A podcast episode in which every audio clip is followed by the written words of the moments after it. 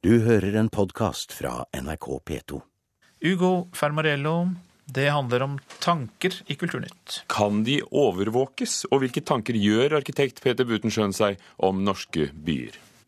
Politiet kan ikke overvåke folks tanker eller hensikter uansett, mener advokat Jon Wessel Aas i Den internasjonale juristkommisjonen. Forslaget om å gi Politiets sikkerhetstjeneste, PST, utvidet tillatelse til å overvåke oss, skaper debatt. PST sier de bare vil etterforske folk med god grunn. Ingen fare for å bli overvåka, ingen uh, grunn til noen bekymring uh, for det.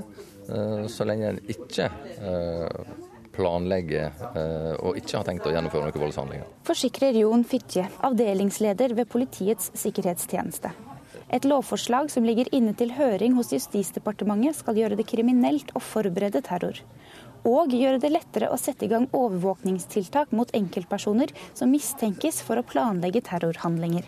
Datatilsynet er blant de som har reagert på forslaget. De er svært kritiske til at forslaget gjør loven mindre forutsigbar.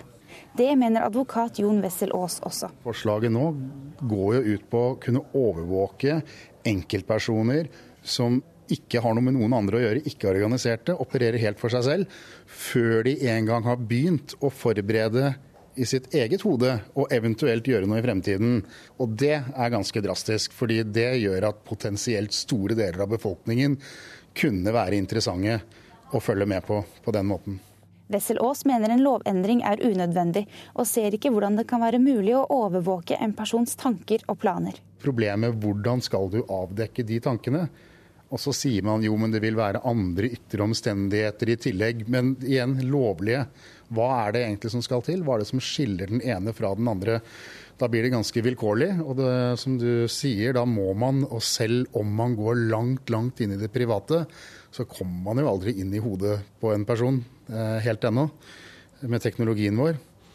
Og, og, forutsetningsvis så har man jo ikke kommet lenger enn at man eh, kan ombestemme seg av. I den grad man kunne lese intensjonene i hodet på noen, så er det jo ikke engang da påbegynt noe realisering av de intensjonene.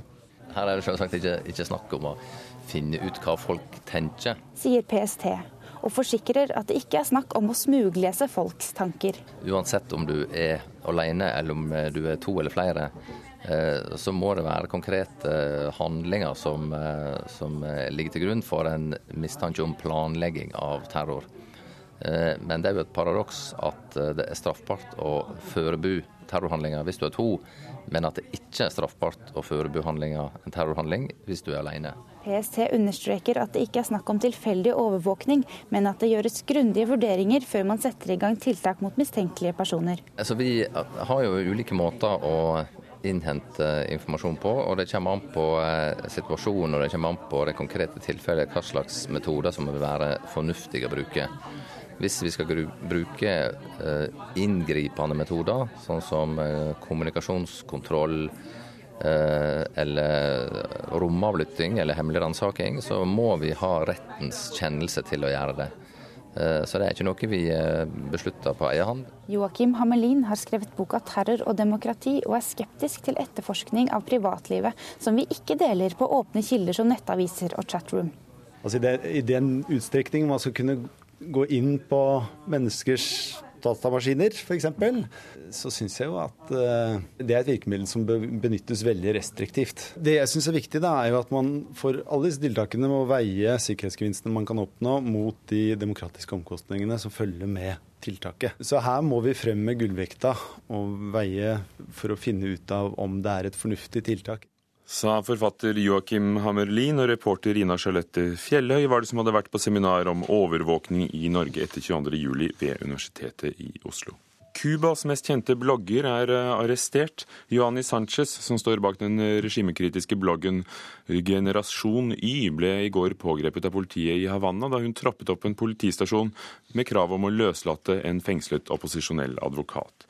Generasjon Y oversettes til 20 språk, og Sanchez var i 2008 på Times sin liste over de 100 mest innflytelsesrike personene i verden.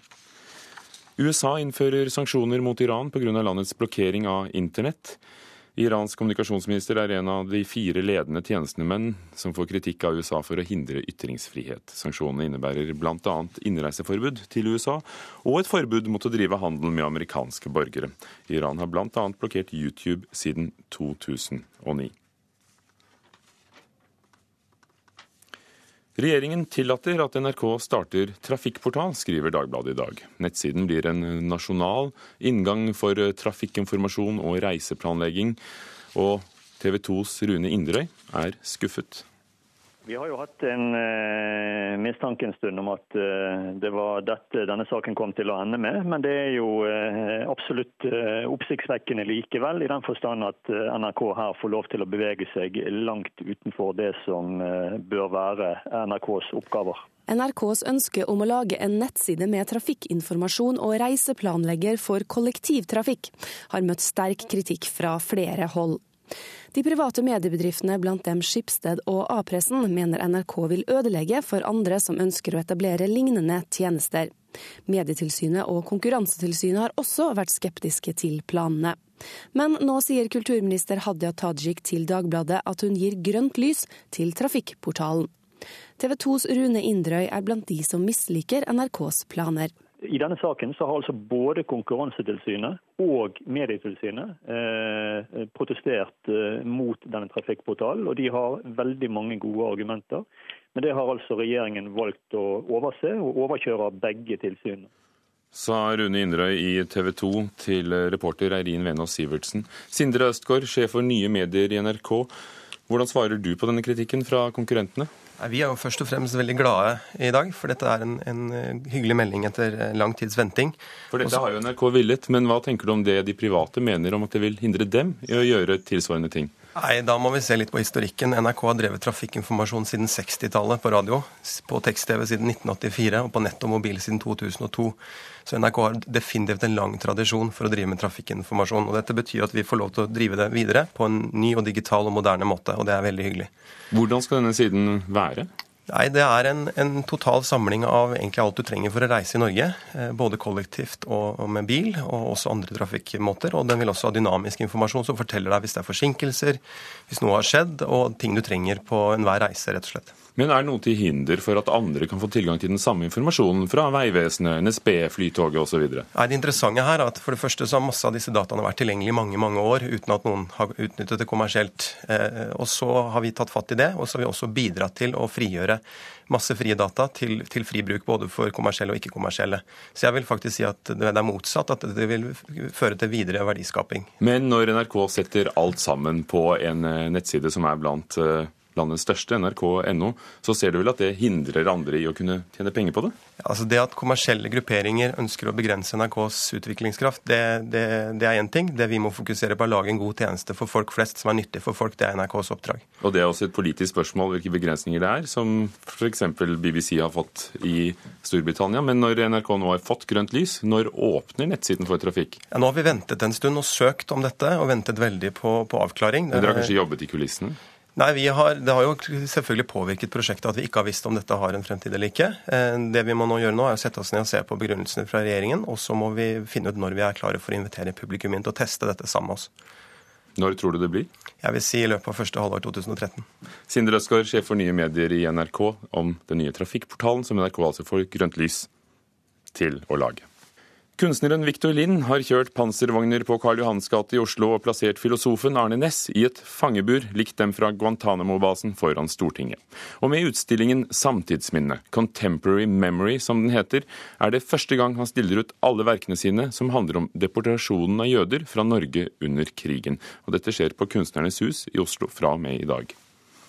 Det er rett og slett videoen som heter 'Oslo by Night', The Stars, som er et kart av Oslo med stjerner som er plassert nøyaktig på de adressene i Oslo, det er flere hundre, hvor jødene ble arrestert og ikke kom tilbake. Omstendighetene rundt deportasjonen av norske jøder 26.11.1942 har vært en ledestjerne for Victor Lind gjennom et langt kunstnerisk liv. I 1942 unnslapp halvt jødiske Lind og hans mor så vidt å bli sendt i konsentrasjonsleir. En av nyhetene ved utstillingen, et utvalg av Linds mange skisser og tegninger gjort med datamaskin, bærer preg av dette. Ja, det er en slags dagbok. Det er en type refleksjoner, forarbeider til ting. Og det er f.eks. handler ganske mye om moren min. Man husker jo moren sin. Utstillingen er løst strukturert rundt to ytterpunkter i historien om jødedeportasjonen. Gartner Rolf Syversen, som hjalp jøder ut av landet, og politiinspektør Knut Rød, som var ansvarlig for deporteringen. Førstnevnte ble angitt og drept. Sistnevnte ble frikjent etter krigen og fortsatte i politiet. Linn skiller tydelig mellom rett og galt på en ikke helt ukontroversiell måte. I et rom står to fotografier og venter på å bli hengt opp. Det ene er en liten gutt på to og et halvt år. For det er nemlig meg. Og det andre er i full størrelse en, en politimann sett gjennom et uh, nattsikte. Fordi folk som uh, gjorde de tingene som norsk politi gjorde under krigen, det er helt berettiget hvis de hadde blitt skutt. Politiinspektør Rød ble frikjent fordi han også samarbeidet med motstandsbevegelsen. Linn mener han slapp billig unna, og tar utstillingen på seg oppgaven med å tilstå for ham. Hvis han ikke vil gjøre det selv, skal jeg gjøre det for ham. Med i utstillingen er Linns berømte monument av Rød, som til daglig står ved Holocaust-senteret. På det kan man lese. Minnesmerket står til dommen fra 9.4.1948 er opphevet. Victor Lind. Og da kan den jo stå til evig tid og heile.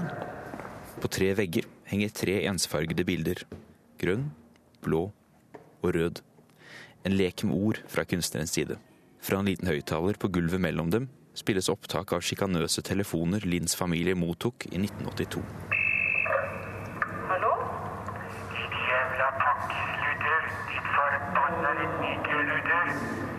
Historien blir nå. Hvis ikke jeg har historien med meg nå, så er jeg blind. Jeg må rett og slett bygge på erfaring, og det er ikke bare min egen personlige livserfaring. Da må den, den erfaringen være riktig og sann. Her har kunsten et særlig ansvar, mener Linn. Tidligere så var det sånn at folk gikk i kirken, og så hørte de hva som var riktig og galt. Nå er den opphøyede posisjonen, det er kunstscenen. Og det syns jeg forplikter. Og så tror jeg jo at kunst har en, har en egen mulighet til å og det er en egen kanal til folks tanker og hjerte og følelser. Sa kunstner Victor Lind. Hans utstilling 'Samtidsminne Contemporary Memory' åpner i Kunstnernes hus i Oslo i kveld, og reporter var Andreas Lindvåg. I dag arrangerer Statens vegvesen og Riksantikvaren en konferanse for å inspirere kommuner til å gjøre sine plasser og gater vakrere og mer brukbare. Det første som kommer i dette prosjektet er en bok, hvor hovedforfatter er eh, deg, Peter Butenschøn, arkitekt. Hva har du og dine medforfattere funnet ut etter å ha besøkt 37 norske byer?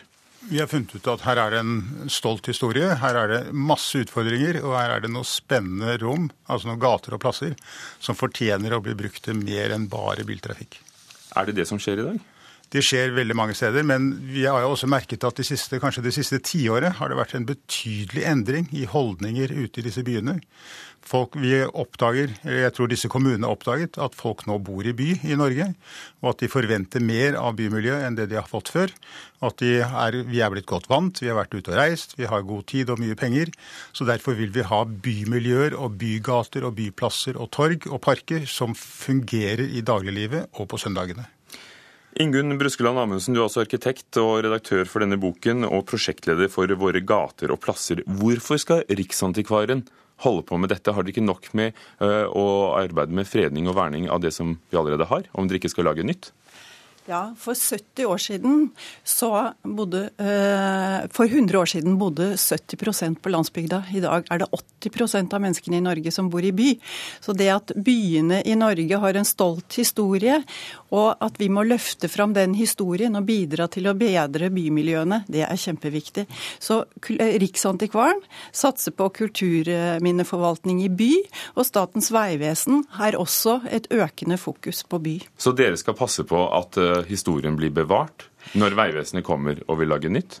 Vi skal uh, ikke bare bygge nytt. I byene så handler det om byreparasjon og forvaltning av byene, og i byene har vi viktige kulturmiljøer. Og de offentlige plassene ligger jo der med gater og plasser. Mye av dette har forfalt. Som Peter Butenschøn nettopp sa, så er det jo blitt parkeringsplasser, mye biler. Vi skal ikke ha bort bilene, men kanskje vi skal få til det som heter shared space. At vi kan få blanding av både biler, syklister og gående i gatene sammen med kollektivtransport. Peter Butenschøn, du har lang fartstid, tidligere direktør i Norsk Form. Eh, du har fulgt norsk arkitektonisk utvikling lenge. Hva gikk galt i norske byer? Jeg tror det som gikk galt, var vel at vi trodde vi kunne greie oss uten. At det var greit å putte handelen ute i motorveikrysset og putte alle boligene ute på fjellrabbene og i skogkanten utenfor. Og at vi i grunnen ikke trengte noe annet enn det, at vi kunne kjøre mellom alle funksjonene. Så tror jeg vi har oppdaget at det er ikke noe særlig lurt. At vi faktisk vi vil gjerne ha byer også. Og så tror jeg nå kommune etter kommune oppdager at de kan faktisk ikke få i pose og sekk. De kan ikke både lage Sørlandsparken utenfor Kristiansand og ha liv inne i byen. De må velge, de må satse på det ene. Men hva hjelper det å gjøre gatelegemet penere, legge ny brosten og pusse opp torget, når kommunen tillater at alle forretningene med Vinmonopolet i spissen ofte flyttes ut i en boks utenfor sentrum? Nei, det er det du sier. Det hjelper ikke så veldig mye. Altså, Vi kan ikke få funksjonsfattige byer og tro at de funker. Vi kan ikke ha glatte, pene fasader uten noe liv bak. Eh, så dette henger sammen. Det funksjonelle er forutsetningen for at det estetiske skal fungere. Og da, Ingunn Bruskeland Amundsen, hvor mye handler prosjektet fra deres side om estetikk, og hvor mye handler det om politikk? Ja, Det handler vel om, om, begge deler. Og det handler om helhet. Å tenke bymiljø. Å tenke at gode gater og plasser det har med menneskene som bor i byen å gjøre. Det har med handel å gjøre. Men Betyr det at dere vil inspirere kommunene til å være strengere, f.eks. med å tillate kjøpesenter utenfor byen? Ja, Det er vel grenser for hva som går inn under forvaltningen som vi jobber med.